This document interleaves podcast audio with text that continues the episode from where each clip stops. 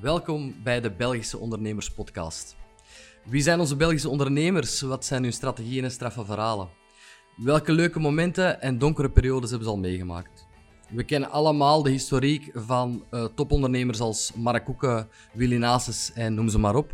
Maar wat speelt er bij de gemiddelde KMO, de kleine zelfstandige of evenzeer de start-up? Mijn naam is Christophe Roggen. Ik ben zelf ondernemer, zaakvoerder van Document en Print Solutions. En in deze podcast interviewen we geregeld een Belgische ondernemer die dag in dag uit keihard aan zijn of haar bedrijf werkt. Of niet en dat uitbesteedt aan anderen. Wees klaar voor een hele race tips, nieuwe inzichten en een kijk op de realiteit in onze Belgische ondernemingen. Enjoy! Hallo iedereen, welkom bij aflevering 41 van de Belgische Ondernemers Podcast. We zijn even weg geweest, maar ik kom terug met een fantastische gast, dus no panic. Um, de gast van vandaag is CEO, of was CEO ondertussen, dat komen we straks toe, van de De Vastgoedgroep.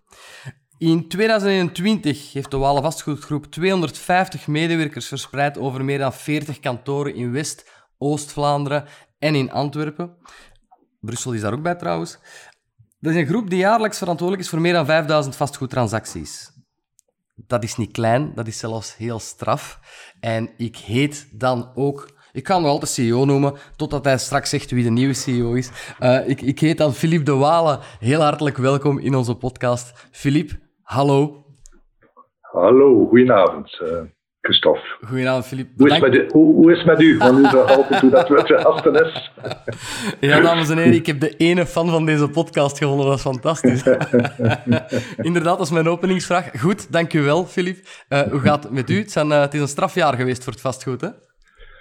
Uh, een druk jaar, heel bewogen jaar, um, waar je heel veel kan over vertellen. Dus um, ja, het is een, uh, met ups en downs een jaar geweest. Maar uh, okay. heel boeiend jaar. Ik ben blij dat het 30 juni is en dat de congés in de aantocht zijn. Dat, dat zal wel zijn, dat versta ik graag. Vertrek je op congé binnenkort? Ja, binnen een week of twee. Okay. Even naar Frankrijk. U heeft gelijk, daarmee dat je er zo ontspannen uitziet. Ik heb het helemaal door. Ja. Filip, um, vertel eens even hoe het is begonnen. Hè? Want ik noem hier cijfers die van achterover te vallen zijn.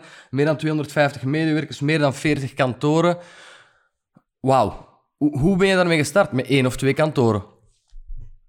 Ja, eigenlijk is uh, mijn vader daarmee gestart in uh, begin jaren 80 uh, in Brugge. Ehm, met één kantoor. Ehm, ikzelf en mijn vriend Stefan um, zijn al twee afgestudeerd, afgestudeerd in 1992. Uh, dus uh, ons verhaal start pas uh, begin jaren 90.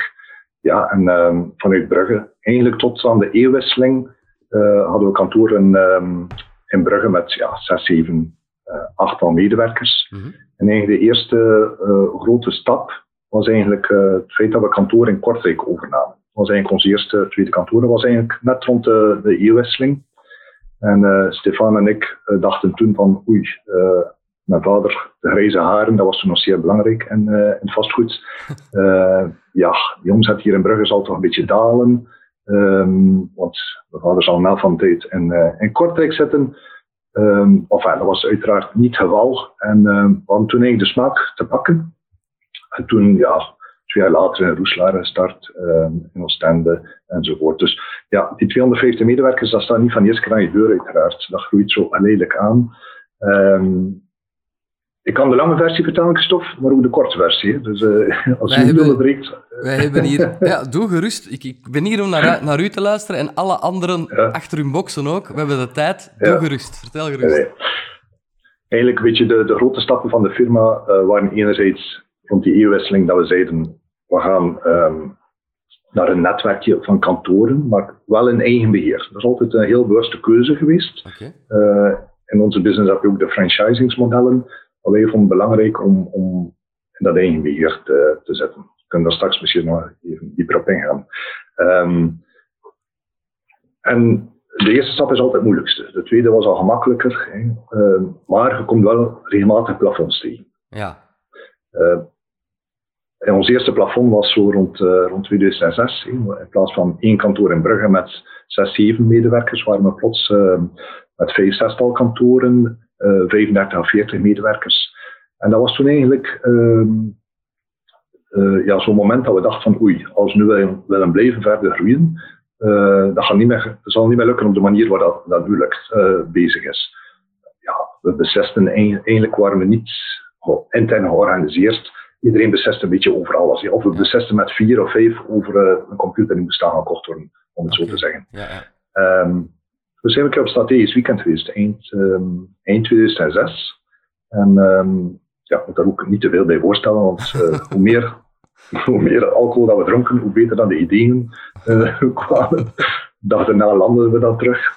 Enfin, eigenlijk in essentie wat hebben we daar gezegd, kijk, uh, als we willen groeien, gaan we ons moeten toeleggen elke beetje op onze sterktes, op onze specialisaties. We waren toen met ja, vier jonge gasten en mijn vader. Dus uh, ja, naar mij keken ze, ik heb een economische opleiding gehad, ik doe helemaal de financiën. Stefan deed dan de marketing, die had de meeste voeling mee. Hendrik was meer IT-gericht. Ja, en dan keken we zo rond tafel, uh, wie had de HR doen. En dan Geert was de enige die nog een keer voor een werkgever gewerkt had. En we zeggen, hij is een HR-specialist vanaf nu. um, en we vader weer de strategie doen en, uh, en de expansie. Maar fijn, dat heeft ons wel in staat gesteld om, uh, om ja, om eigenlijk die, die, die specialisaties op te focussen. Want dus de periode daarna zijn die, de eerste IT'ers dan aangeworven, de eerste marketeers. we hebben binnen groepsdiensten uitbouwen, uh, ondersteunende diensten. En dan stellen we ons eigenlijk wel in staat om veel vlugger te groeien vanaf dan. Okay. Want iedereen wist wat hij moest doen. Onze, onze IT'ers wisten wat er moest gebeuren, de marketeers, de HR enzovoort. En we waren op, een, op de duur wel een, een zeer gedoteerd machientje. En in die periode, ja, tussen 2009 en 2014, in die vijf jaar tijd, zijn we dan eigenlijk gegroeid van die vijf, zes vestigingen naar 25 vestigingen. Dat was om de drie maanden kwam er daar een kantoor bij. Ja. Um, en van, ja, van 35, 40 medewerkers naar plots 120 medewerkers. En dat ging allemaal van, vanzelf, om het zo te zeggen. We zijn ook met een syndiekafdeling begonnen, met een bedrijfsvastgoedafdeling Turner. Um, en toen kwam, dan kwam plots aan het volgende plafond uh, tegen. Eigenlijk is het bijna iedere keer periode van zeven jaar. Ah ja. Um, ja, in 2007, ja, het was zo rond te kraken en te piepen intern in de organisatie. Uh, ja, in plaats eigenlijk met vijf, zes kantoorverantwoordelijken rond tafel zat, zat je met twintig kantoorverantwoordelijken rond tafel. Ja, met twintig mensen rond tafel, dat is zeer gezellig, fantastische discussies. Maar in feite ja, kwam je niet meer tot beslissen, laat staan tot uh, implementeren. Heel veel HR-problematieken op, op, uh, op dat moment. Ja, en andere spanningen binnen de firma. Um, en we hebben terug die strategische oefeningen gedaan. En beginnen op die interne organisatie werken. We hebben dan ja, de merken meer, alleen één verantwoordelijke per merk gemaakt. Uh, een HR-plan ingevoerd. niet van marketing, ook van alles rechts. En dat heeft ons eigenlijk in staat gesteld om, om dan terug te kunnen groeien. We hebben dan een paar kantoren overgenomen, in Antwerpen onder andere, de kantoren van First Timo in 2018 of 19. Ja. Uh, en nu recent nog in Brussel kantoor. En dat brengt ons inderdaad op vandaag op die 43 kantoren, op 250 medewerkers, vijf merken. Um, en we zijn nu terug zeven jaar verder. In de laatste zeven jaar zijn we ongeveer verdubbeld terug in, in, in omvang. En staan we terug voor een, uh, een cruciaal punt voor de firma. Ja, dus het is terug op strategisch weekend gaan nu. Ja, was op man. We doen dat regelmatig. Maar, uh, um, Je noemt dat zo. Bijkom. we noemen dat zo. nee, maar dat is wel, um, ik kan dat eigenlijk wel aan iedereen aanraden. En dat, dat staat echt los van, van de grootte van, van de firma. Maar zelfs als je met, uh, met vijf bent, um, is soms een keer goed om een keer uit het dagdagelijkse uh, weg te gaan. want uh, we worden toch altijd oversteld door mails en telefoons en, en, en, en, de probleempjes die op ons afkomen. En uh, van een keer echt een dag, dat moet dan een heel weekend zijn uiteraard, een keer een dag. Of, ik vind het altijd leuk als je dat ergens blijft slapen, omdat je dan s'avonds nog een beetje ja, de inspiratie komt van. En dan de dag daarna doe je zo de evaluatie op de dingen dat je de dag ervoor besproken hebt, nog een keer uh, een paar actiepuntjes werken uit. Ja. Um, en dat is eigenlijk bijzonder goed voor het onderling vertrouwen, voor de, de visie scherp te stellen, waar gaan we naartoe. En nog een keer, dat staat echt los van de, van de grootte van de firma. Maar je moet daar een keer tijd voor vrij maken, om de zoveel periode. Is dat één keer per jaar, is dat om zes maanden, om de twee jaar, dan moet je voor elk afzonderlijk beslissen. Ja, dat volg ik helemaal. Wij doen dat ook elk jaar. Elk jaar één keer. Ja. En ik vind het altijd verwonderlijk Want na dat weekend kom je terug op je bureau en dan ben je weer bezig met de, de shit of yesterday, om het zo te zeggen. Ehm, maar als je een jaar later kijkt, zeg je, ja, we hebben inderdaad eh, dat een jaar geleden beslist. En iedereen is zich automatisch naartoe te gedragen. Zelfs als je er niks mee doet na dat strategisch weekend, toch ben iedereen, heeft iedereen een mindset. En moet je vaststellen dat een jaar later dat er heel wat gebeurd is van hetgeen dat je daar besloten hebt. Ja. Dat vind ik altijd zeer uh, verbluffend om dat vast te stellen. Ja, nee, maar dat is ook teken dat het nodig was en dat jullie er ook in geloven, in die ideeën die je hebt aangebracht. Anders ja, inderdaad. Uh, ja. Wat dat wij wel, uh, misschien in het verleden, wel een learning uit verleden van die strategische weekends. Dus de mensen die hier op tafel zitten, die mindset, beginnen zich naartoe te gedragen. Watgeen dat misschien te weinig gedaan hebben in het verleden, is onze visie intern voldoende gecommuniceerd. Ja. Um, want het is wel belangrijk dat iedereen, um, en natuurlijk is wel iets gemakkelijker als je iets kleiner bent dan groter, en dan in ons geval zetten we nog een keer op 43 plaatsen. Um, dus dat hebben we nu wel, met onze volgende visie dat we nu ontwikkeld hebben, is dat echt, de bedoeling om daar intern veel meer over te communiceren. Niet één keer, maar herhalen enzovoort. enzovoort. Oké, dus een nieuwe visie. Communicatie, is... interne, ja. ja. interne communicatie is superbelangrijk. Ja, Iedereen moet mee, mee zijn. Hè. Ja. ja.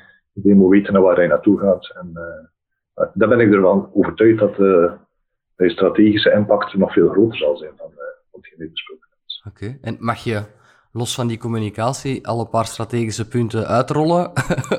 of, of is dat nog geheim? ja, nee, we, communiceren daar. Uh, uiteraard, intern communiceren we diepgaander dan, uh, dan extern. Um, maar waar, waar gaan we naartoe? Eigenlijk zijn we tot de vaststelling gekomen met, met de groep, uh, Christophe, dat we eigenlijk, um, we hebben op vandaag vijf merken in alle domeinen.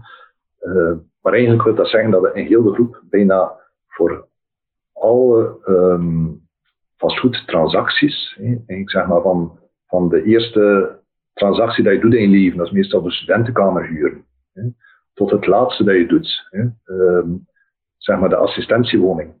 alle transacties daartussen, zowel in het residentieel als in het reismatige vastgoed, dat we overal enorme expertise hebben. Ja. Hm.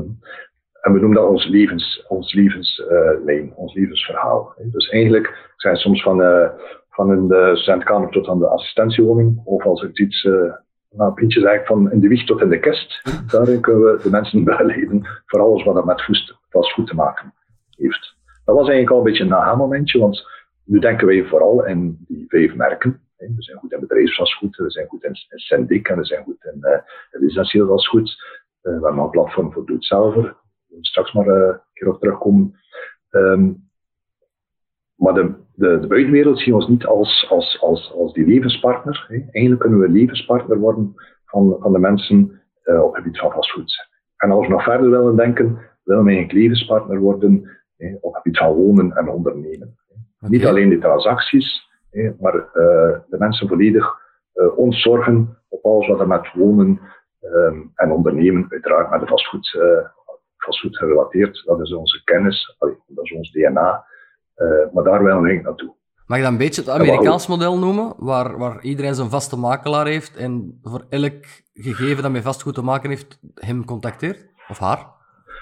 Uh, ja, ik weet niet of dat nu helemaal zo in Amerika is. Je hebt daar inderdaad aankoopmakelaars, verkoopmakelaars. Um, maar eigenlijk zou, uh, gezien dat we, dat we heel wat diensten hebben, als mensen aan vastgoed denken, aan gelijk wat, ja. Zouden, ze, zouden ze moeten uh, denken van, allee, de Walen kan dat, uh, kan dat oplossen. De Walen kan dat fixen. We hoeven daarom niet zelf te doen. Hè. We kunnen uiteraard, we gaan niet beginnen de, de goten te keuzen enzovoort. Maar als dat een probleem is van die mensen, als dat een probleem bij u is, Christophe, um, en belt naar ons daarvoor, ja, eigenlijk zo, ja, als wij levenspartner van u willen worden, zouden we dat voor u moeten kunnen uh, fixen, of regelen, of doorwijzen, whatever. Dat is eigenlijk uh, waar ja, we ja, ik snap het, ja. naartoe willen gaan. Alle klusjes die mijn vrouw mij geeft, kan ik eigenlijk aan u uitbesteden. Oei, ik ga dat een keer niet aan, niet aan, mijn vrouw, aan mijn vrouw doen. Eh. nee, ik ben wel mee. Uh, ja, dat is een beetje de mindset eigenlijk. En, um, en dat houdt eigenlijk in dat we, uh, we zien dat op twee sporen. Enerzijds een digitale weg, maar anderzijds ook een, uh, een fysische weg, een, een kantoornetwerk we, we blijven heel, heel sterk geloven in die lokale verankering van onze kantoren. De handjes, onze medewerkers die heel, heel dicht bij de klant staat.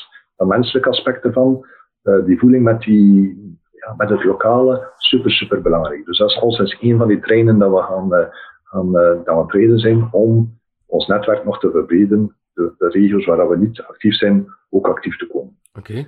Maar we leggen er een digitale laag over. Heel wat digitale diensten, zoals we vandaag ook al doen, aanbieden. Het is bij ons een en-en verhaal. Um, ik denk dat de banken bijvoorbeeld veel meer gericht zijn op het sluiten van kantoren. Zijn er misschien ook veel te veel. Ja. Uh, en heel veel banken trekken wel helemaal die digitale kaart. Mm -hmm. uh, om hun kantoornetwerk te kunnen afbouwen. Ja, wij zien het wel, de, de, ja, die, die lokale verankering is voor ons nog altijd cruciaal, cruciaal. Ja, omdat dat herkenbaarheid is voor de mensen ook natuurlijk. Nu, ja. ik heb al met een collega van u gepraat in het uh, podcast gegeven. En ik denk dat dezelfde vraag gesteld maar ik vind dat ook wel intrigerend om te weten. Ik zeg zelf altijd dat ik in een hele moeilijke sector zit concurrentie op concurrentieel vlak. Maar bij jullie is dat nog eens zo erg. Hè? Dan bedoel ik niet dat je echt pure concurrentie moet aangaan. Maar er zijn gewoon heel veel aanbieders van vastgoed. Hè? Er zijn heel veel verschillende merken vastgoedkantoren. Is dat nu waar, Ja. je het, waar, waar je het verschil vooral mee probeert te maken? Het, het eh, offline en online gebeuren, maar ook die vijf merken die binnen jullie de Walengroep valt? Zijn dat de verschillen of zijn er nog andere dingen? De, de, de sterkte van onze organisatie is eigenlijk een combinatie van, van, van, van drie, eh, ja, drie USP's, zoals we ze Ja. noemen. Ehm, eh, onze eerste USP eigenlijk is dat we inderdaad een netwerk, een schaalgroot hebben. Een netwerk. We kunnen heel veel mensen bereiken. Meer dan, meer dan die lokale, eh, lokale par, par- en, eh, ik, ga ze, ik ga ze niet afbreken, want Nee, nee, maar nee, wij, wij moeten, wij, moeten- voilà, wij kunnen zeggen, we hebben een gigantisch marketingbudget. We zijn zeer performant op het gebied van, ehm, van eh, al wat met SEO, SEA, Facebook-campagnes, Google-campagnes. Daar kunnen we al een, een uur alleen over praten. Ehm, dus we, kunnen, we bereiken heel, heel veel mensen. Dus we, wat de kans veel groter maakt natuurlijk om de, de koper die eigenlijk het meeste voor uw pand wil betalen, want dat is onze opdracht. Hè. Dat is Ja, ja, die ene koper die het meeste wil, eh, wil voor betalen, die moeten we vinden en uiteraard liefst zo, zo vlug mogelijk. Ja. Als die, niet, als die niet rondloopt, gaan we hem niet vinden. Dus we, we bereiken eh, heel wat mensen. Anderzijds onze organisatiestructuur. We hebben een heel goed uitgebouwde back-office, zowel in de kantoren, maar ook hier in de groepsdiensten. Ja, die ondersteunen onze kantoren, ondersteunen onze makelaars maximaal. Zij met marketing, het zij met IT, eh, het zij met, eh, ja, met, met, met, met administratie. Eh, wat maakt dat die makelaar, onze medewerkers, ehm, binnen al hun uren kunnen spenderen aan de klant. Oké. Dat is belangrijk. Hè? Iemand die eh, eh, lokaal werkt en, en zijn team moet leiden, zijn administratie moet doen, uh, HR-problematiek, ja, keer een IT-probleem kan oplossen. Uw, uw kopiemachine die niet werkt, Christophe, bellen naar, uh, naar u. Dat die voilà, dan heeft hem de verkeerde. Hè? nee, nee, maar ik snap wat je wilt zeggen. Die moet er nog heel veel bij pakken. Ja. Ah, wel, uh, we moeten allemaal 6, 7 uur slaan per dag. Um, maar ja, als je dan nog een helft van je tijd moet bezig zijn met niet de klant, dan, dan, dan ja, het is daar, de, dat is onze taak. Hè. Dus door die specialisaties uh, hebben we echt, uh, kunnen onze mensen zich heel goed focussen op die klant. En toen de derde USP is eigenlijk het feit dat we heel veel expertise in de groep hebben. We hebben juridische problemen, ja, we hebben juristen fiscaal problemen, we hebben fiscalisten, we hebben een successiematig probleempje. We kunnen voor alles heel vlug, onze medewerkers kunnen heel vlug de nodige informatie bekomen. En het is net die combinatie tussen die, die schaalgrootte, die focus op de klant van onze medewerkers en die, al die expertise die we in huis hebben, die ons wel uniek maakt. Oké, okay, perfect. Ja, dus eigenlijk... overtuigd, ben je overtuigd, Christophe? Ik was hiervoor al overtuigd, Filip. Dat nee, nee, ja, ik, ik vind inderdaad... Dat zijn goede USP's, maar als ik het heel goed begrijp, al uw afzonderlijke kantoren vallen gewoon onder de Walengroep en alle expertise kunnen al die kantoren raadplegen, per direct.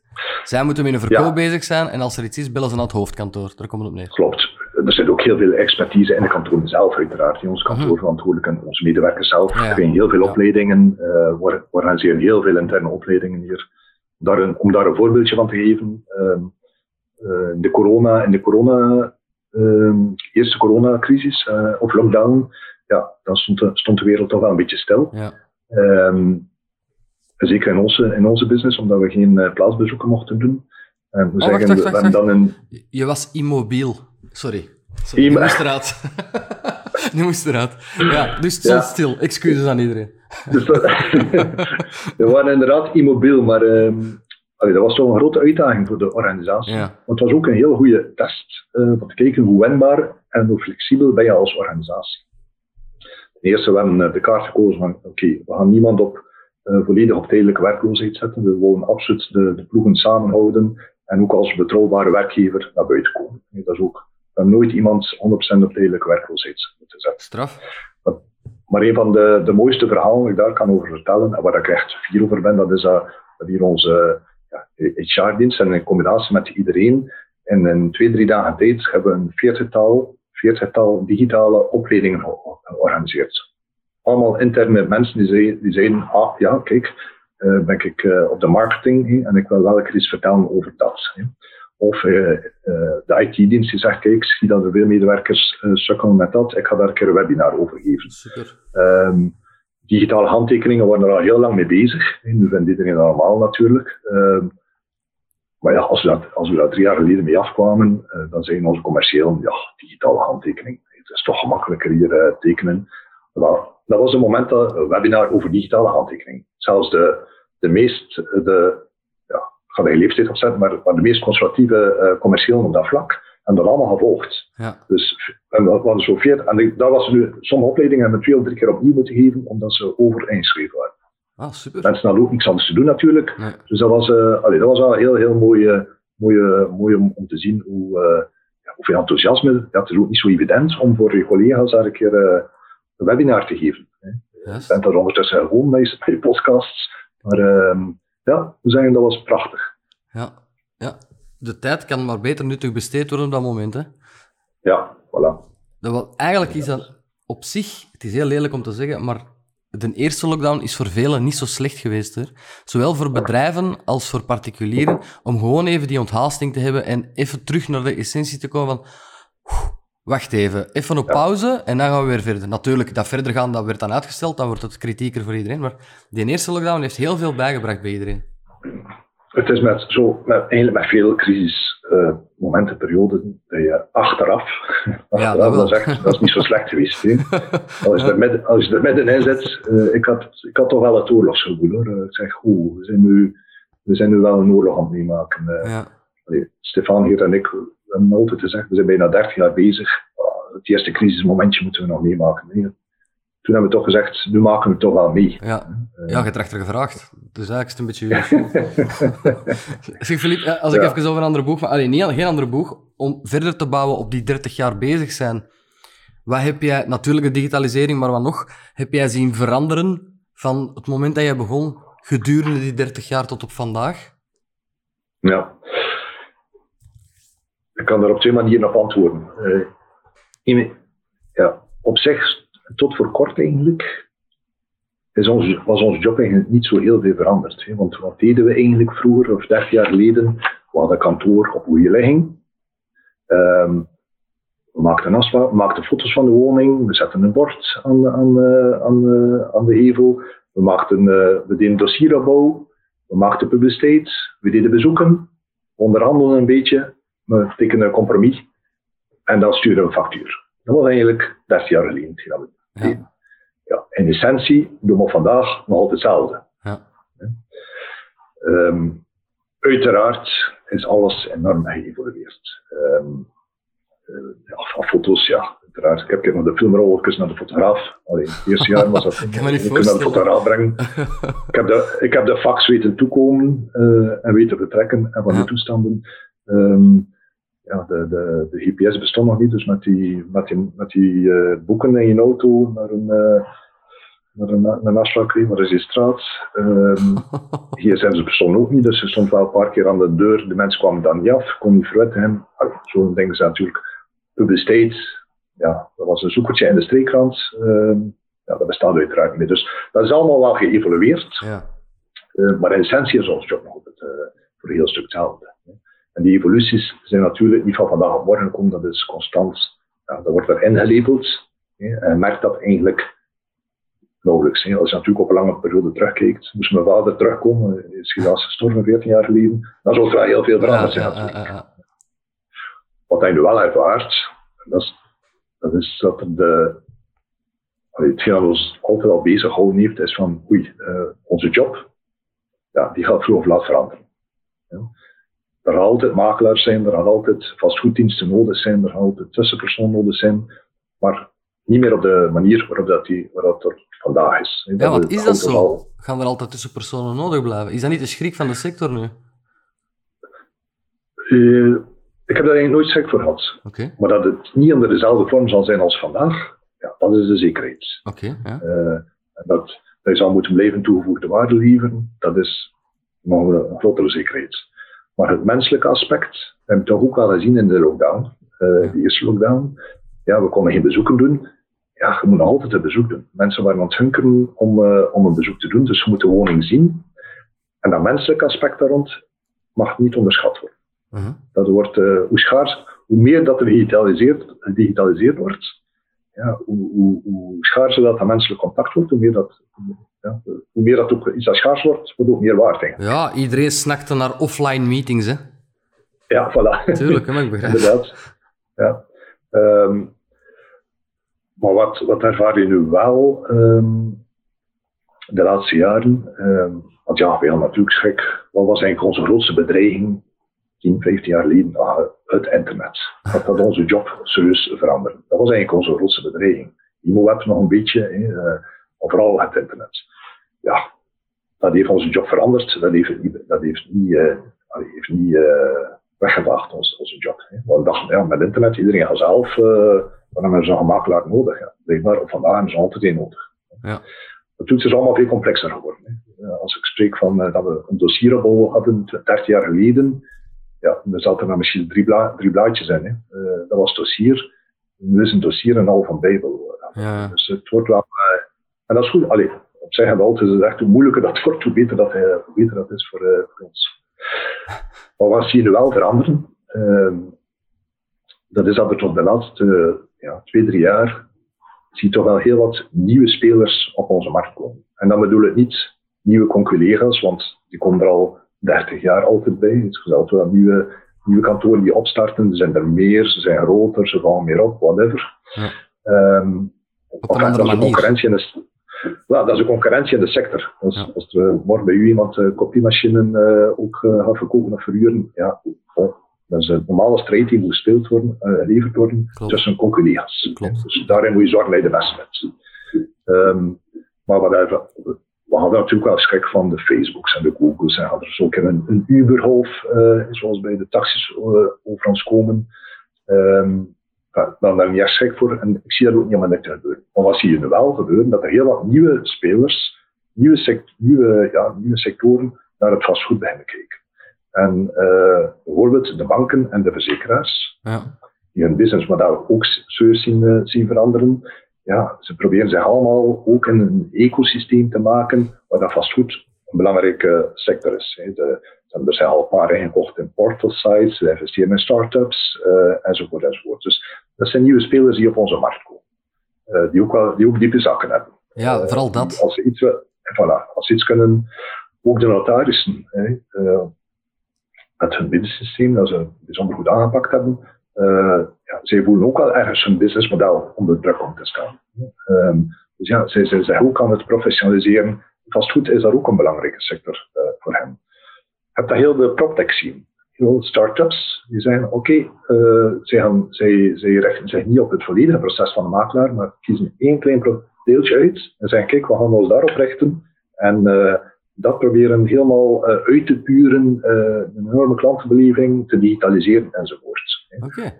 Gigantisch veel prop, PropTechs. Dat is een, een, een, markt dat ik bijzonder goed volg. Ja. niet alleen in België, maar in Europa, van eigenlijk in de hele wereld. en je ziet welke fondsen welke middelen dat er nu in de PropTech geïnvesteerd wordt. Zoals het zelf vijf, zes, zeven jaar geleden in de fintech was, uh, enzovoort. Ja, er wordt daar wel gigantisch veel geld verbrand. Er zijn veel initiatieven die niet zullen lukken, maar er zijn er ook al die gaan lukken. Dus ook dat zijn ook nieuwe intreders op onze markt. Um, enzovoort, enzovoort. Dus uh, je ziet toch wel dat er heel wat aan het gebeuren is. En daar moeten we ons uh, uiteraard klaar voor maken. Ja, dat houdt het wel heel spannend natuurlijk. En je moet op je kivief blijven, zoals we zeggen. Je moet eigenlijk constant bezig zijn met, je, bij te studeren. Uh, je moet, ik denk dat er veel van, uh, van onze collega's toch een, een eerder conservatieve houding hadden uh, in het verleden. En zeggen, oké, okay, of ze dachten dat de digitale foto een grote revolutie was. Maar dan moet je wel constant zelf in vraag stellen, waar, waar zet je toegevoegde waarde als, uh, als onder, onderneming. Dat staat los van of je nu klein of groot of uh, lokaal of uh, nationaal speelt. Um, ja, en constant durven in vraag te stellen. Juist. Ik heb u aangekondigd als de CEO van de Walen Vastgoedgroep. Maar ja. je bent ontslagen, nee, is die waar. er, is, er, is, een wijziging ik gebeurd. ik, heb mezelf, ik heb mezelf ontslagen. Ja. Vertel eens, wat is ja. er de afgelopen week of de afgelopen twee weken gebeurd? Want ik had met je podcast gepland en opeens zie ik iets verschijnen in de pers en ik dacht van, tja, ja. ik ben met de verkeerde aan het praten. Nee, ook niet waar. Vertel eens. De, dus ja, ik ga me inderdaad vanaf, uh, het is eigenlijk officieel vanaf 1 september, okay. uh, mijn CEO-schap overgeven aan, um, aan eigenlijk rechterhand, de huidige CEO van de Dwalenkantoren, Sophie Spritz. Ja. Um, een jonge dame van 36 jaar, Top. die uh, al, al acht jaar bij ons de groep ook voortstuurt. En dat wil zeggen dat we toch al heel lang in duo werken. En um, ja, het principe is de juiste. De juiste, de juiste uh, ik geloof enorm dat je moet, um, moet inzetten op je sterktes. Dat is zo. En, en, dat is allemaal logisch, dat is allemaal een beetje bla bla taal. Maar dat houdt ook in. Um, en de juiste persoon op de juiste plaats. Dat is, als je wil je organisatie doen groeien, moet je, moet je zorgen dat je omringd bent met, mensen die, die veel beter zijn dan jou. Uh, de juiste persoon op de juiste plaats ik heb altijd gezegd, als er, bij, als er uh, iemand is die mijn job uh, veel beter kan dan ik het doe, waarom zou ik dan op die stoel, als aandeelhouder van, van de firma, waarom zou ik dan op die stoel blijven zitten? Dat, ben ik geen, uh, dat is geen slimme, geen slimme beslissing. Nee. Dus ik heb er altijd wel gezegd dat er ooit daar iemand anders zal komen. Sophie is ja, al jaren de persoon die daar voor in, in, in, aanmerking komt. En we vonden ook met onze strategie 2025 dat we, dat we intern bepaald hebben het juiste moment om die stap te zetten. Okay. En uh, ja, er is daar uh, gigantisch uh, vertrouwen over tussen, bij de partners, bij alle kantoorverantwoordelijken. Um, en het heeft een enorme dyna dynamisme. Want het is niet alleen onze positie eigenlijk, we veranderen ook heel onze interne structuur. ons directiecomité wordt ook veranderd, een beetje om onze visie te kunnen bereiken. En dat geeft wel een enorme dynamisme in daar. Super. Dus, ik neem aan... Heel, heel, veel jonge, heel, heel, veel jonge mensen. Ik ben ook nog jong. Ik heb nog heel veel dynamisme. Dus ik word uh, 52 dit jaar. Oh, de genoten zijn ook 50ers. Ja. Dat is nog, we gaan nog uh, heel, heel, heel lang werken. Ja. hebben ook een job dat we nog heel lang kunnen doen. Um, maar de ja, strategisch inzicht, het dynamisme van, van ik ben omringd door fantastische medewerkers. Ja. heel veel dertigers ja, en dat is, uh, als je ziet hoe dat ze de firma uh, vooruit duwen met hun expertise, ja, kan daar, uh, kan daar al een keer, kan daar al een keer emotioneel naartoe kijken. Zo. dan voel ik me soms wel een keer oud, zodat ik denk van, ja, die, ben daar nu... Hm? Ja, die dat... snelheid van, van die digitalisering en dergelijke, van oppikken daarvan, zal misschien ook iets hoger liggen, omdat ze daarmee opgegroeid zijn. Absoluut. Ja, ja. Absoluut. Dat is een, ja, dat is inderdaad, ik denk dat wij ik denk dat iedere leeftijd ook zijn sterktes heeft. Um, wij hebben nu op onze leeftijd natuurlijk een bepaald netwerk uitgebouwd. Um, en grijze haren, dan, dan, dan, dan word je tot een bepaald moment meer gerespecteerd, denk ik. Is dat zo? Want ik heb die al tien jaar nu en ik ben nog maar 38. en ik zie er niet veel naar respecteren. nee, ik begrijp wat je ja, wilt zeggen. Dat, dat geeft een gevoel van maturiteit. Ja, is dat? Oké, okay, ik zal het zeggen. Weet, um, ik, nee, maar uh, ik, zeg, ik zeg soms ook een keer, uh, want mijn job bestaat nogal veel uit uh, in vergaderzalen zetten. En ja. Um, um, ja, ik wil eigenlijk minder in de vergaderzaal zetten en, en terug meer naar de klant, de werkvloer, de kantoren. zorgen voor het expansieverhaal ook. ja, terug ja, het netwerk ook gebruiken dat, ik opgebouwd heb. Ja, wat wordt nu jouw functie, functie taak? Oh, beetje een dubbele taak. Enerzijds ga ik wel het, uh, het, financiële blijven. Een beetje ja, mijn, mijn, oude liefde terug, terug oppakken. Ja. Um, maar anderzijds ook vooral terug dichter naar die klanten gaan. meer contacten met, ja, met promotoren, met, met klanten, met de kantoren zelf. want dat is, was wel een van de uitdagingen om om nog voldoende, ja, het laatste jaar was dat een grote uitdaging door de corona. Ik had, een, ik had een goed excuus door de corona, door niet in alle kantoren uh, langs te gaan. Maar uh, ik had zo'n doelstelling van drie keer per jaar in alle kantoren te komen, maar dat is wel een hele grote uitdaging. Dus, uh, ja, dat, lukt, dat is niet gelukt. Mislukt. Ik hoop dat we dat nu terug meer te kunnen doen. Ik hoor meer gaan eten, eigenlijk. Dat zeg ik meestal ook. Ik ga heel de tijd aan om te gaan lunchen uh, met iedereen.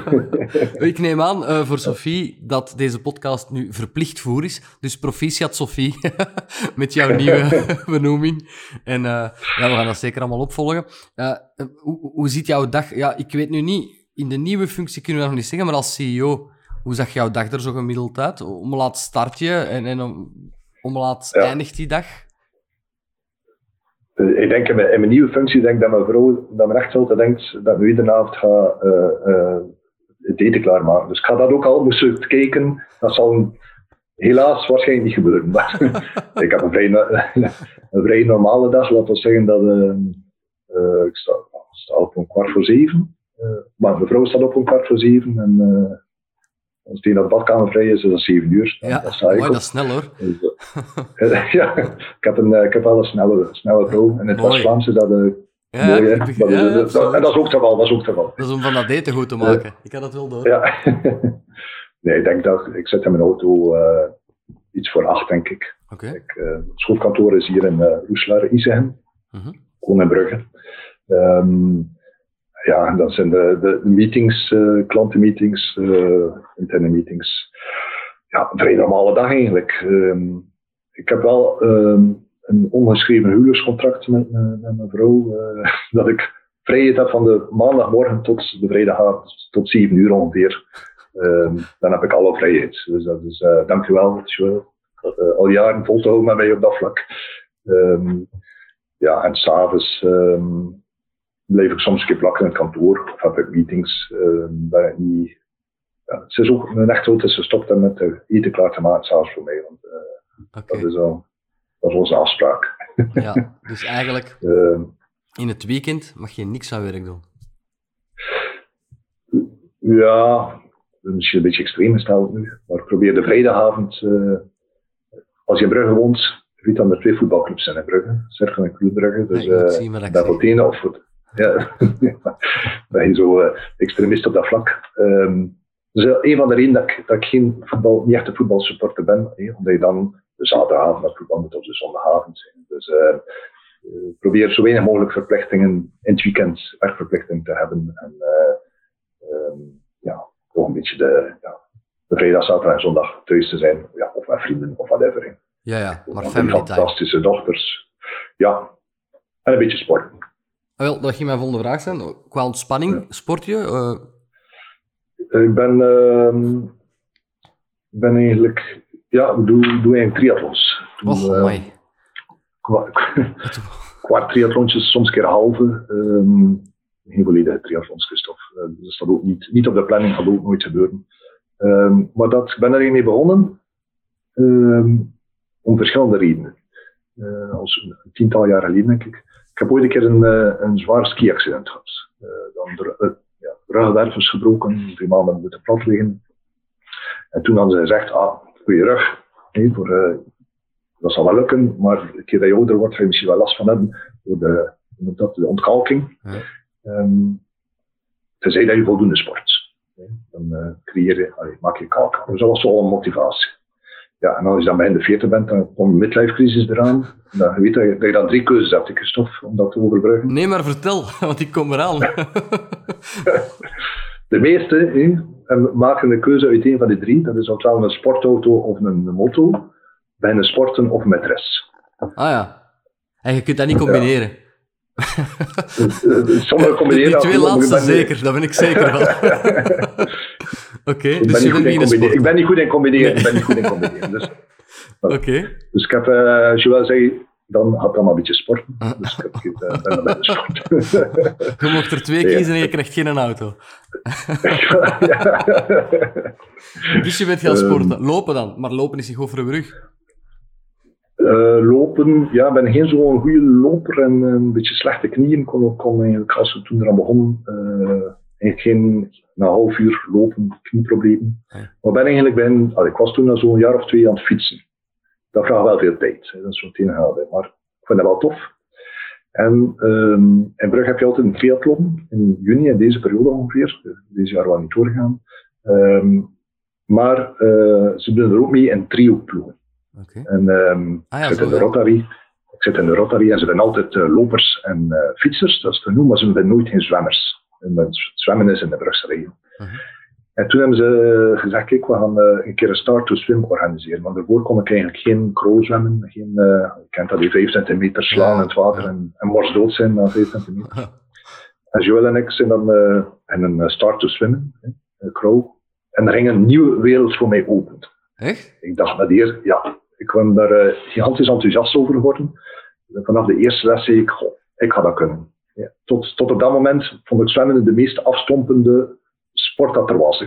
Ja. uh, vijf centimeter uh, zwemmen, terugkeren, hoog. Ja, en de nu, baksteenslag, uh, zoals wij zeggen. Ja. ja. En nu zwem ik in open water, zwem ik kilometers aan een stuk. Uh, vinden we dat super tof. En dan ben ik, uh, zo bij, stel, heb ik uh, het jaar daarna dan een keer meegedaan in een kwarttriathlon in Brugge. Met mijn zwakke knieën, een coach ingehuurd. Zeg, kijk, drie voorwaarden. Geen blessures, geen hartinfarct en al lopen toekomen. En zo weinig mogelijk looptrainingen, uh, zo was het. dus ja. heb ik... Uh, dat is ideaal. Gezwommen, gefietst. Ja, ik had dan uh, nooit meer dan, dan 4, 5 kilometer gelopen. En, uh, okay. Ja, ik moet zeggen, nu heb ik niks van last meer van mijn knieën. Door, je lichaam versterkt waarschijnlijk. En kan ik een halve marathon, dat is geen enkel probleem.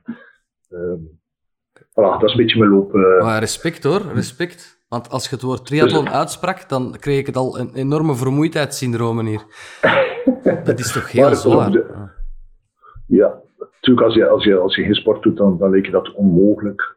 Een keer dat je dan dacht, een kwarttriathlon, dat is ook... Kan je kilometer zwemmen, uh, Christophe? Ik heb het nog nooit geprobeerd, 40, eerlijk gezegd. Ik zou het niet 40, 40 lengtes, 40 lengtes zou je misschien wel overleven. Ik wil ja zeggen, maar elke, ja. elk jaar op reis besef ik hoe zwaar, hoe zwaar dat is om te zwemmen. Dat dat fysiek best ja. uitputtend is. En moeilijk met een corona ja. in je handen. Maar... Ja. Twee, keer, twee keer 500, dat gaat lukken. Ja, dat zal wel lukken, ja. ja. En 45, 45 kilometer fietsen op je stadsfiets, dat heb ik misschien ook al lang niet meer gedaan, ik maar dat is ook bike, dus niet, niet onmogelijk. Hè? Ja. Ja. En dan 10 kilometer, 10 kilometer lopen. Ja, als ik dat uh, voor een paar dagen mag spreiden, dan mag dat geen probleem zijn. nee, tien, voilà. dat moet ook lukken, maar dat is op een heel traag tempo. Maar daarom dat je moet trainen, en dan vraag ik me af, waar vind je de tijd om te trainen? Voilà. S'morgens? Dat gebeurt nogal veel in. Nee, ik ben geen ochtendtrainer. Uh, ja, een van de redenen uh, lukt me dat niet goed. Het weekend uiteraard, dat is al een deel van mijn tijd dat ik daar aan, aan spendeer. En dat probeer ik wel, ja, dan moet je echt inplannen. Ja. Uh, er zijn nu geen, uh, allee, al de triathlons zijn een beetje afgezegd. Uh, maar ik heb ook dat doel nodig, die kwarttriathlon, om dan drie, vier maanden ervoor zo te kunnen dat inplannen. En dan is het echt, ja, ik kom soms om 39 thuis s'avonds en dan, dan zeg ik als je wel, voordat ik eet, ga je eerst een uur gaan lopen. Oh man, uh, ja. bewonderenswaardig. Oh. Ja, maar als je die, uh, die wedstrijd niet in het vooruitzicht hebt, dan doe je dat wel niet. Dus nee, het is ook een beetje een mindset op dat moment. Um, dus ja. Uh, ja. Dus een kwarttriathlon is nog, ik heb uh, nog maar één keer een halve triathlon gedaan. Ja, dan ben je al vijf uur, vier, vijf uur en een half van zes uur aan het sporten. Dat is al wel, toch wel een beetje van een ander niveau. Ja. Maar ja, uh, triathlon is mindset. Dat is eigenlijk, je begint eraan. En iets dat, dat nu voor jou onmogelijk lijkt, een keer dat je dat gaat gedaan hebben, dan je, ja, het was allemaal niet zo moeilijk. Ja. En als een halve triathlon, als je daar begint, denk je dan, ja, ga ik nu zes uur naar een stuk sporten. Dat lijkt, dat lijkt voor mij een paar jaar geleden ook onmogelijk. Ja. Uh, maar het doet allemaal heel traag. Je zit constant te denken, oeh, niet te vlug, niet overhaasten, uh, voldoende eten, drinken. Want het, is nog, het is nog lang, het is nog lang. De uitleg die je nu de laatste vijf minuten hebt gedaan van hoe dat het de mindset is, dat is hoe alle ondernemers daarover praten. Hè? Dus dat is, Ja. eigenlijk is dat een stuk in je hoofd ondernemen. Heel speciaal. Voor een stuk, stukje wel. En eigenlijk, eh, we proberen altijd een zeer lange termijnvisie te hebben. Binnen de firma uh, zeggen we, kijk, we hebben een, uh, we hebben een polster. Waar gaan we naartoe? Waar staat onze polster? En onze polster is uh, de volgende eeuw halen. Nou, met de firma. Ik ga het niet houden, maar. Eh, eh, dus 2100, de firma moet zeker blijven eh, functioneren in 2100. En dat is natuurlijk een mindset. Ja. Dan bij iedereen wel creëren, van geen korte termijn beslissing nemen, alles in functie van de lange termijn. Als er een beter CEO is dan ik, moeten we dat doen, want we moeten onze poolster berekenen. In sport heb ik dat eigenlijk ook. Met mijn sportmaat Michiel is onze poolster, kijk, we gaan triathlons doen tot als ons 70. Ehm, en wat houdt dat dan in? Dat we, we hebben altijd zwakke knieën, dat we nooit een marathon gaan lopen. We, altijd, mogen niet overdreven met lopen, want als er sporters zijn die moeten stoppen met, met sporten, het gaat over eh, knie, heup eh, enzovoort. En, en dat is een mindset. Dat is een mindset. Eh, we gaan geen triathlons winnen, dat interesseert ons allemaal niet natuurlijk. Ik dat allemaal niet. Maar dat gaat er over de lange termijn. En ja, zo ben ik tot de vaststelling gekomen dat dat, dat, dat bij het sporten dat ik dat ook doe. Dus dat we ook een polster hebben. ja, ja, fantastisch. Ik heb hier alles een polster, want um, en ik ga mezelf even mee in beeld brengen. Sorry voor iedereen. Je bent ook auteur. Ja. Oh, ik moet hem hier houden. Levenslang succesvol met vastgoed, voor de luisteraars. Philippe heeft een boek geschreven van uh, op het gemakske, ik denk in een uurtje, van een kleine 200 en zo, in de 90 bladzijden. um, waarom zeg ik dat van die polster? Het is letterlijk, en ik bedoel letterlijk zoals letterlijk, niet zoals mensen zeggen ik ben letterlijk kapot, maar echt letterlijk, een handleiding van de eerste aankoop, eigenlijk zoals, uh, zoals Philippe er straks zei, van de wieg tot de kist. Alle stappen die je in vastgoed zou kunnen nemen, zijn hier uitgebreid in beschreven met ja, mooie toelichtingen ook wel. Het is, het is ook heel mooi vormgegeven. Filip, vertel eens, hoe ben je erop gekomen om dat fantastisch boek te schrijven? Ja, nou, was je toen u aan het vervelen op de fiets? Of... Ja. Waar vond jij de tijd? Het was, was uh, waarschijnlijk een, een, een, zwak momentje. Um, het was eigenlijk tijdens de eerste corona. Eh, crisis um, of lockdown, um, dat de uitgeverij, dat, dat ik ook wel ken, um, contacteerde, zou je geen boek schrijven? Een boek schrijven. Ja, dat was heel, heel, heel ver. Jullie hebben toch veel expertise in vastgoed en, uh, enzovoort. Ik zei, ach, je zit minder in de lockdown. Ik heb momenteel wat andere zaken aan mijn hoofd. Ja. maar ja, vertelde dat hier dan intern. En er was daar uh, heel veel enthousiasme over. Oh ja, als we een in een, uh, in een boek uh, kunnen uh, brengen, hoe, hoe, welk goed idee zou dat niet zijn eigenlijk? En dan dachten we, oké, en dat is ook zo'n vaststelling, want als je er midden in zit, besef je niet altijd hoeveel expertise dat je in huis hebt. Je dat in dat boek staat, ja, um, voor onze medewerkers zal misschien twee derde echt zijn, ja, is dat expertise? Ja, dat is expertise voor iemand die het niet kent. Het, is, het is heel laagdrempelig geschreven, het is echt voor de, voor uh, de particulier. Dus ik zeg soms, het is een gezinsboek. Ik weet niet of je kende net Christophe en hoe dat ze zijn. Ja, veel te veel. Maar, ik, heb het wel, als ik even wel ik heb het wel zelf gelezen. Ja. En ik dacht, ik heb het helemaal doorgelezen en ik dacht, ik moet dat ergens liggen om inderdaad als mijn, mijn oudste dan, die nu 16 is, ja. als die gaat beginnen zoeken, om dan al deel 1 te laten lezen. Voilà, ja. En je ja, kunt dat hele leven bijhouden. Ja, dat is waar. De wetgeving gaat misschien wel een beetje wezen, maar we, ja. we zitten al aan de tweede editie. Um, maar we gaan het dan aanpassen, hè, uiteraard. Uh, maar het is inderdaad uh, eigenlijk het levensloop van de mensen die erin beschreven is. Van de eerste huurwoning, eerste koopwoning, de eerste keer dat je woning moet verkopen, hoe doe je dat? Um, de eerste investering, dat je wilt doen, uh, de eerste verhuring dat je wilt doen. Uh, en dan een heel successie, ja, als je wil overdragen naar je kinderen. Dat is eigenlijk de, de inhoud van het boek. Maar hoe zijn we daarop gekomen? Um, ja, daar, daar ging wel met een, een, een we hebben daar wel een beetje onderschat. Dat moet ja? ook wel zijn. Want ik heb, ik heb, het niet alleen geschreven, we hebben hier met heel het team, uh, okay. een heel team geschreven, uiteraard. Um, maar uh, dat was met een, uh, een ghostwriter dat we gingen, gingen doen. Die zag dat redelijk eenvoudig. Ja, we kenden daar niks van. Maar doordat we natuurlijk onze kwaliteit in onze firma, um, ons kwaliteitsniveau mag dat wel zijn, redelijk hoog binnen de firma. Ja, dan heeft dat ook een beetje gespeeld in het boek. Zowel naar inhoud als vormgeving, als ja, finaal hebben we het inderdaad met, met, uh, met mijn medewerkster volledig zelf geschreven. En uh, ja, dat heeft wel uh, gezorgd voor de nodige stress. En, want ja, dat was altijd met deadlines. Uh, ik heb wel moeten beloven dat er voorlopig geen tweede boek komt. ja, ik vind het moeilijk over doodskisten beginnen schrijven. Nu. De, de, de, de, vorm is super origineel, omdat je echt al die stappen hebt. Ja, en, maar het moet wel zijn, als ik, heb, ik heb hier toevallig ook uh, liggen naast mij, als je het... Uh, zijn, het heeft stressmomentjes gegeven en op de duur hey, veel verbeterwerk en, uh, en herschrijven. En, kent dat. Maar als je dan de, de eerste layout zag binnenkomen, en, en vooral op het moment dat je zo voor de eerste keer vasthoudt, ja, ja, ja. het is precies een beetje geboorte zo. Wordt toch wel een beetje emotioneel ervan. ja, het was ja, het kindje was geboren. Hè. Dat begrijp ik. En ook heel mooi hoe je zegt dat je het toevallig naast jou hebt liggen. ik dacht dat ik misschien moest, uh, moest opsteken hier met de camera. het, is, het is, is trouwens verkrijgbaar bij, even kijken, Borgerhof en Lambrechts, toch? Ja. Maar, ja, het is, het, is te, het is te koop in de, de standaardboekhandel, de Carrefour, de Frak, via onze site, wal.com, je ook wel link. Voilà. Maar en, ik, ik, ga wel even... En als je hem hier komt halen, dan dat signeer ik hem ook natuurlijk, Christophe. Ah ja, maar... Als je hier in, uh, in Roeslaar komt ja. ja, als ik eens passeer. Tijdens mijn training van een triathlon of zo, dan... Uh... Nee, ja. um, bedankt, want jij hebt er al opgestuurd. Eén, uh, die van mezelf. Maar, en die kom ik zeker nog binnensmijten om te signeren, want ik vind het altijd wel tof. Maar twee, ik mag er... En dat is leuk als mensen naar de podcast blijven luisteren, want dan weten ze nu ook dat we vijf boeken mogen wegschenken. Dank u wel daarvoor, Filip. Dus ik ga een klein wedstrijdje op... Heel veel plezier. Voilà. Ik ga een klein wedstrijdje op, uh, dat zal op Instagram zijn doen, waarbij dat ze iets moeten reageren en dan kunnen die mensen dat winnen. En dan hebben we er weer vijf mensen, uh, vijf gezinnen, uw boek om als leidraad te gebruiken. Heb je er eigenlijk al veel uh, reactie op gehad?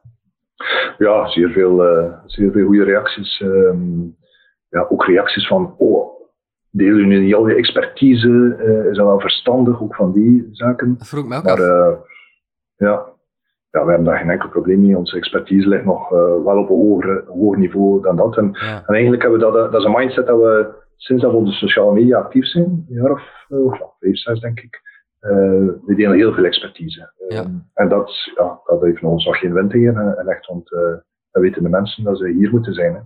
Ja, het is dat, hè. Dat, dat toont ook dat jullie er alles van weten en, en de juiste expertise ja. inderdaad hebben. Heb je zelf iets bijgeleerd tijdens het schrijven van dat boek? Over vastgoed? Um, goh, ik had nu toch geen vraag erover. Op pagina 2? Nee, nee. Er, er, er, is een stukje, een stukje van onze, onze specialisten successie, uh, successieverhaal. Um, ik, had er wel, ik heb er ook wel redelijk wat kennis in. Maar over maatschappen en van die toestanden, dat was al uh, een, ja, is ook geen dagelijkse kost eigenlijk. Dus daar heb ik toch, uh, dat is helemaal op het einde van het boek, heb ik toch wel iets van bijgeleerd, ja. Ja, nee, belangrijk. Als je dan toch met zo'n project hm. bezig bent, dat je zelf ook weer de verdere ontwikkeling hebt. Want studeer jij zelf ook nog bij? Lees je zelf boeken uh, los van het vastgoed? Um, relatief weinig. Ja, om een of ander... Het is moeilijk om een boek te lezen op je fiets, hè, Christophe. Dat is, uh, ja, audioboeken, hè? Ja, dat, uh, ja, ik luister altijd naar jouw podcast. Fantastisch. Ik ga je er ook niet van afbrengen. Dat is perfect zo. De vraag is gedaan. Bedankt. Ja. Nee. Laat, laat, nee. laat ons zeggen dat ik meer boeken liggen, thuis, thuis liggen heb die ik nog moet lezen dan dat ik al gelezen heb. Dat is ook zoiets. Hè. Maar uh, ja. boeken dat ik wel altijd lees is van uh, Steve van Bellegem. Um, ja, ja, ja. ja. Die, die, die allee, dat is wel een beetje, is een beetje kent aan huis ook. Okay. Uh, daar hebben we al heel veel van opgestoken. Ja, zijn klantenbeleving, die, die trends, hoe dat je met de klant moet omgaan. Um, daar stik ik toch wel altijd iets van op. Um, ja, die mag je zeker uitnodigen voor mijn podcast, want ik heb al eens geprobeerd, maar het heeft niet gepakt. Hij heeft er zoveel te doen. Ja, hij wordt overal ja. gevraagd. Hè. Het is ongelooflijk hoe druk dat die mensen heeft, maar uh, inderdaad zeer inspirerend. Ik heb hem op een telenet-sessie gezien, denk ik. Ja. Bij uh, Next ik, zal ik hem een keer vragen. Dank u wel, dank u wel. Ik niet weet wat gedaan. Hè. Ja, oh ja, dat is goed. Zeg, um, de ambitie heb je eigenlijk al verteld. Dat is in 2100 nog altijd bestaan. Maar je gaat dat niet meer weten, dus ze kunnen zeggen wat ze willen tegen u. Wat is jouw ambitie voor binnen, laten we zeggen... Wat, wat is ambitie tegen 2025? Met het project dat je nu hebt. Le uh, levenspartner zijn en wonen en ondernemen in Vlaanderen ja. en Brussel. Voilà. Dus gevolgen en bijsluitend de boek, of het boek tenminste. Ja. Dan uh, dat hoort allemaal in één pakketje tegen 2025. En als je nu een tip mocht geven vandaag, je hebt die vraag al gehoord, want je luistert naar mijn podcast, dus je hebt er al over nagedacht. Wa- Wat zou de tip zijn als je vandaag terug zou starten? De tip aan jezelf. Ik wist dat die vraag ging stellen, Christophe, en ik vind, ik vind het een, eh, een super moeilijke vraag. Ehm, omdat, ik dacht, omdat, je, omdat je denkt van, ja, als je daar niets op zegt, ni- niets op zegt eh, is het alsof dat je alles goed gedaan hebt. En dat is zeker niet het geval. Nee, nee, dat is niet waar.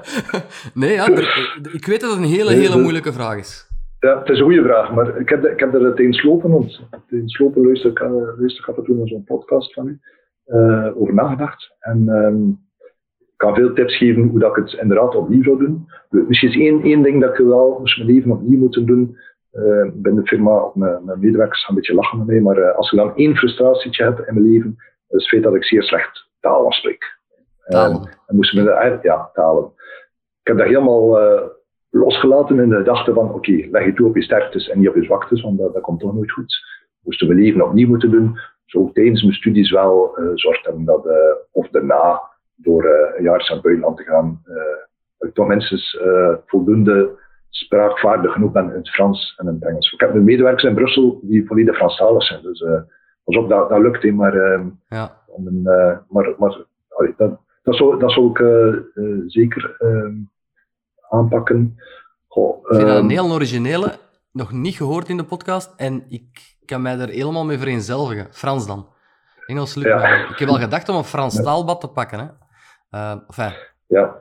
Ik ben, ben eh, zes of zeven jaar geleden een keer naar Silicon Valley geweest. En dan Google en Facebook bezocht en al die andere eh, toestanden daar. Ehm, en toen zei daar de, de marketeer, denk ik, van Google. ehm, als je kinderen taal studeren, zeg dat ze vlug stoppen. Want dat gaat niet meer nodig zijn. Hè. Wij gaan het oplossen ja, dat klopt ook. Hè. Dat is nu al. Dan, voor een stukje wel. Ja. Ehm, dus ja, dan heb ik dat losgelaten. Oké, bedankt. Nu kan ik het ook loslaten. ik leer hier de hele tijd bij. ja. En wa- dat is misschien een rare vraag, maar het schoot mij nu te binnen. Welke tip geef je aan iemand die start bij jullie? Een nieuwe medewerker? Eh, laat ons dan zeggen, een, een makelaar. Ehm, goh, de tips. eh, probeer vooral onze waarden mee te brengen en mee te geven. En ehm, eigenlijk draait alles bij ons rond vertrouwen. Mijn vader is 14 jaar geleden eh onverwachts eh, overleden, maar zijn, zijn, zijn, zijn, leef, zijn leefmotto was: beloof alleen wat je kan doen en doe wat je belooft. Ja. Beloof alleen wat je kan doen en doe wat je belooft. Dat is een heel eenvoudig zinnetje, maar dat is soms een vrij ambetant zinnetje. Want dat is eigenlijk de essentie van onze waarden. hè. Geloof geen zaken dat we niet kunnen waarmaken aan de klant, enzovoort, enzovoort. En als je iets beloofd hebt, ja, dan moet je, wat dat ook, eh, wat dat ook is, we moeten het gewoon doen. Mhm. Ehm, en die, die waarden van, van vertrouwen hebben in elkaar, hè. Ehm, eh, professionaliteit, ehm, passie voor de job, dat is allemaal eh, super, super, super belangrijk bij ons. En dat we zijn, tijdens de recruteringsfase wordt er al enorm naartoe gekeken. Voor ons is eh, iemand die bij ons komt werken, zijn die soft skills veel belangrijker. Kunnen in een team werken, dat is zeer belangrijk. De passie ook hebben voor de job. Dat is veel belangrijker dan de kennis te hebben op dat moment. De kennis dat kunnen we bijbrengen, Ja. in veel interne opleidingen, eh waar dat, eh, ja, dat menselijke aspect, eh, vertrouwen hebben, eh, de juiste waarden bezitten, dat, dat vind ik cru- cruciaal. En dat is misschien, eh, ehm, ik heb zo'n uitspraak, Christophe, ehm, vertrouwen is goed, controle is beter, Mhm. zoiets. Ja, ik, daar ben ik dus helemaal niet mee akkoord. Mhm. Je moet eh, vertrouwen geven eh, om vertrouwen te krijgen. En ehm, ja, ik ben nog maar zelf daaraan aan mispakt. Uh, aan mis, zelf aan als het vertrouwen geschonden wordt, dan, ja, dan, dan zal mijn rustige rode energie slaten om een keer om naar, naar, naar, naar wild rode, rode energie. maar vertrouwen, dat is eigenlijk de basis. En dat is ook de reden waarom we al zo ver staan en, en we vernoten, we vertrouwen elkaar 100%. En, niet, en dat spreekt niet alleen over vertrouwen dat we, dat we geld zo afpakken, dat is zelfs ja, dat is uiteraard de basis. Maar het gaat vertrouwen in elkaars expertise, in elkaars beslissingen. Uh, en dat iedereen, dat, dat je moet vanuit gaan dat iedereen het beste voor heeft met de firma. Dat is ook de sleutel. Dat, dat is de sleutel van jullie dat is de sleutel. Ja. Dat is de sleutel. als je partnerships afsluit, ehm, ik werk al heel lang, we zijn al 30 jaar partner, uh, Stefan en ik, en Geert 20 jaar. Ja, we, we, we trouwen elkaar 300 procent. Je moet daar dus niet van wakker liggen. Hè. Anders, als je bij elkaar te wantrouwen en dingen in vraag te stellen, ja, hoeveel energie vraagt dat niet, zeg. Wel, dat is ook de sleutel tot ons succes. Mijn vernoot en ik, dat is met de ogen dicht, doe maar, geen enkel probleem. En dat is nooit anders geweest, nog nooit een discussie gehad in negen jaar. Enfin, nog nooit ruzie gehad. En dat is wel... Ja, maar ja, er kan, kan verschillen van mening, hè, en dat, dat is zo'n anders. Uh, van, van maar dat staat af van heel de organisatie. Ja. Gewoon dat je, dat, je, dat je heeft en krijgt, je medewerkers hebben dezelfde DNA. Ik vind dat... Uh, als er nu iets is wat ik ga blijven bewaken in de firma, tot dat mijn polster omdat ik in de kist lig, dan is het dat die cultuur blijft. Beloof nooit wat je niet kan waarmaken en doe wat je belooft. Ja, beloof alleen wat je kan doen en doe wat je belooft. Ja, prachtig. Vind, uh, ik vind dat de woorden om mee af te ronden. We kunnen daar niet boven gaan, we kunnen niet toppen. Um, ik wil je bedanken, maar ik kom direct bij je terug. Ik ga even afscheid nemen van de kijker en luisteraar. Ik ga je, beeld, uh, je boek nog eens in beeld brengen. Dan, uh, ik heb dat hier toevallig liggen. Voilà, iedereen. Oké. Okay. voilà, iedereen. Dank u wel om heel de podcast uit te zitten. Ik uh, vond het weer zelf persoonlijk heel interessant. Heel veel bijgeleerd. Ik hoop jullie ook. Laat het gerust weten op onze Instagram, Belgische uh, ondernemers.be, op Facebook, op LinkedIn. En u kan mailen met tips of met vragen of u wenst mee te doen, of u kent iemand die wilt meedoen, naar info.belgische-ondernemers.be. Dit boek dat is het boek Levenslang Succesvol met Vastgoed van deze meneer. Of hij hebt hem in de podcast gezien, maar er staat ook een heel mooie foto op de achtergrond. Uh, van Philippe de Walen, van de Walen Vastgoed. Dat kan u winnen. Dus er zijn vijf exemplaren te winnen. Ik zal op Instagram de wedstrijd lanceren en tot een bepaalde datum zal die lopen. En dan kan je het boek gratis toegestuurd krijgen. Het is een leidraad en een, eigenlijk is het een handleiding voor een leven vol succesvol zijn met vastgoed, wat ook de titel is. Dus kijk, voilà, het, uh, het spreekt voor zich. Philippe, ehm, bedankt om, er, uh, om erbij te zijn. Bedankt, want ik meen het echt, ik heb heel veel bijgeleerd in dat uur uh, praten met jou. Allee, fantastisch. ik vond het super, super tof. Ik ook, om, absoluut. Om een keer live met jou in, op, op het scherm te zetten en niet alleen in mijn oortjes. Dus, maar ik ben zo trots dat, je, dat je altijd luistert. Ik zeg het, ik, ik, hoop dat er nog iemand luistert naar deze podcast, dan zijn we al met drie. En, uh, nee, nee, uh, nee, fijn dat je altijd luistert, dank je wel daarvoor. Fijn dat je wat meedoet. Bedankt voor je boeken. En um, ja, ik, ik, hoop dat we snel terug uh, offline kunnen netwerken en dat je toch tijd vrij hebt tussen al het werken en het triathlons door, om daar ergens, laten zeggen, halfway af te spreken tussen Roeselaar en Antwerpen. En dan kom ik ja. graag eens een glas drinken. Ja, Hou ik gaan lunchen, Christophe. Ik heb daar nog veel tijd voor. Uh, uitnodiging aanvaard, dankjewel, dat is vriendelijk. nee, zeker, moeten we zeker doen. Filip, uh, dankjewel en aan iedereen tot een volgende keer.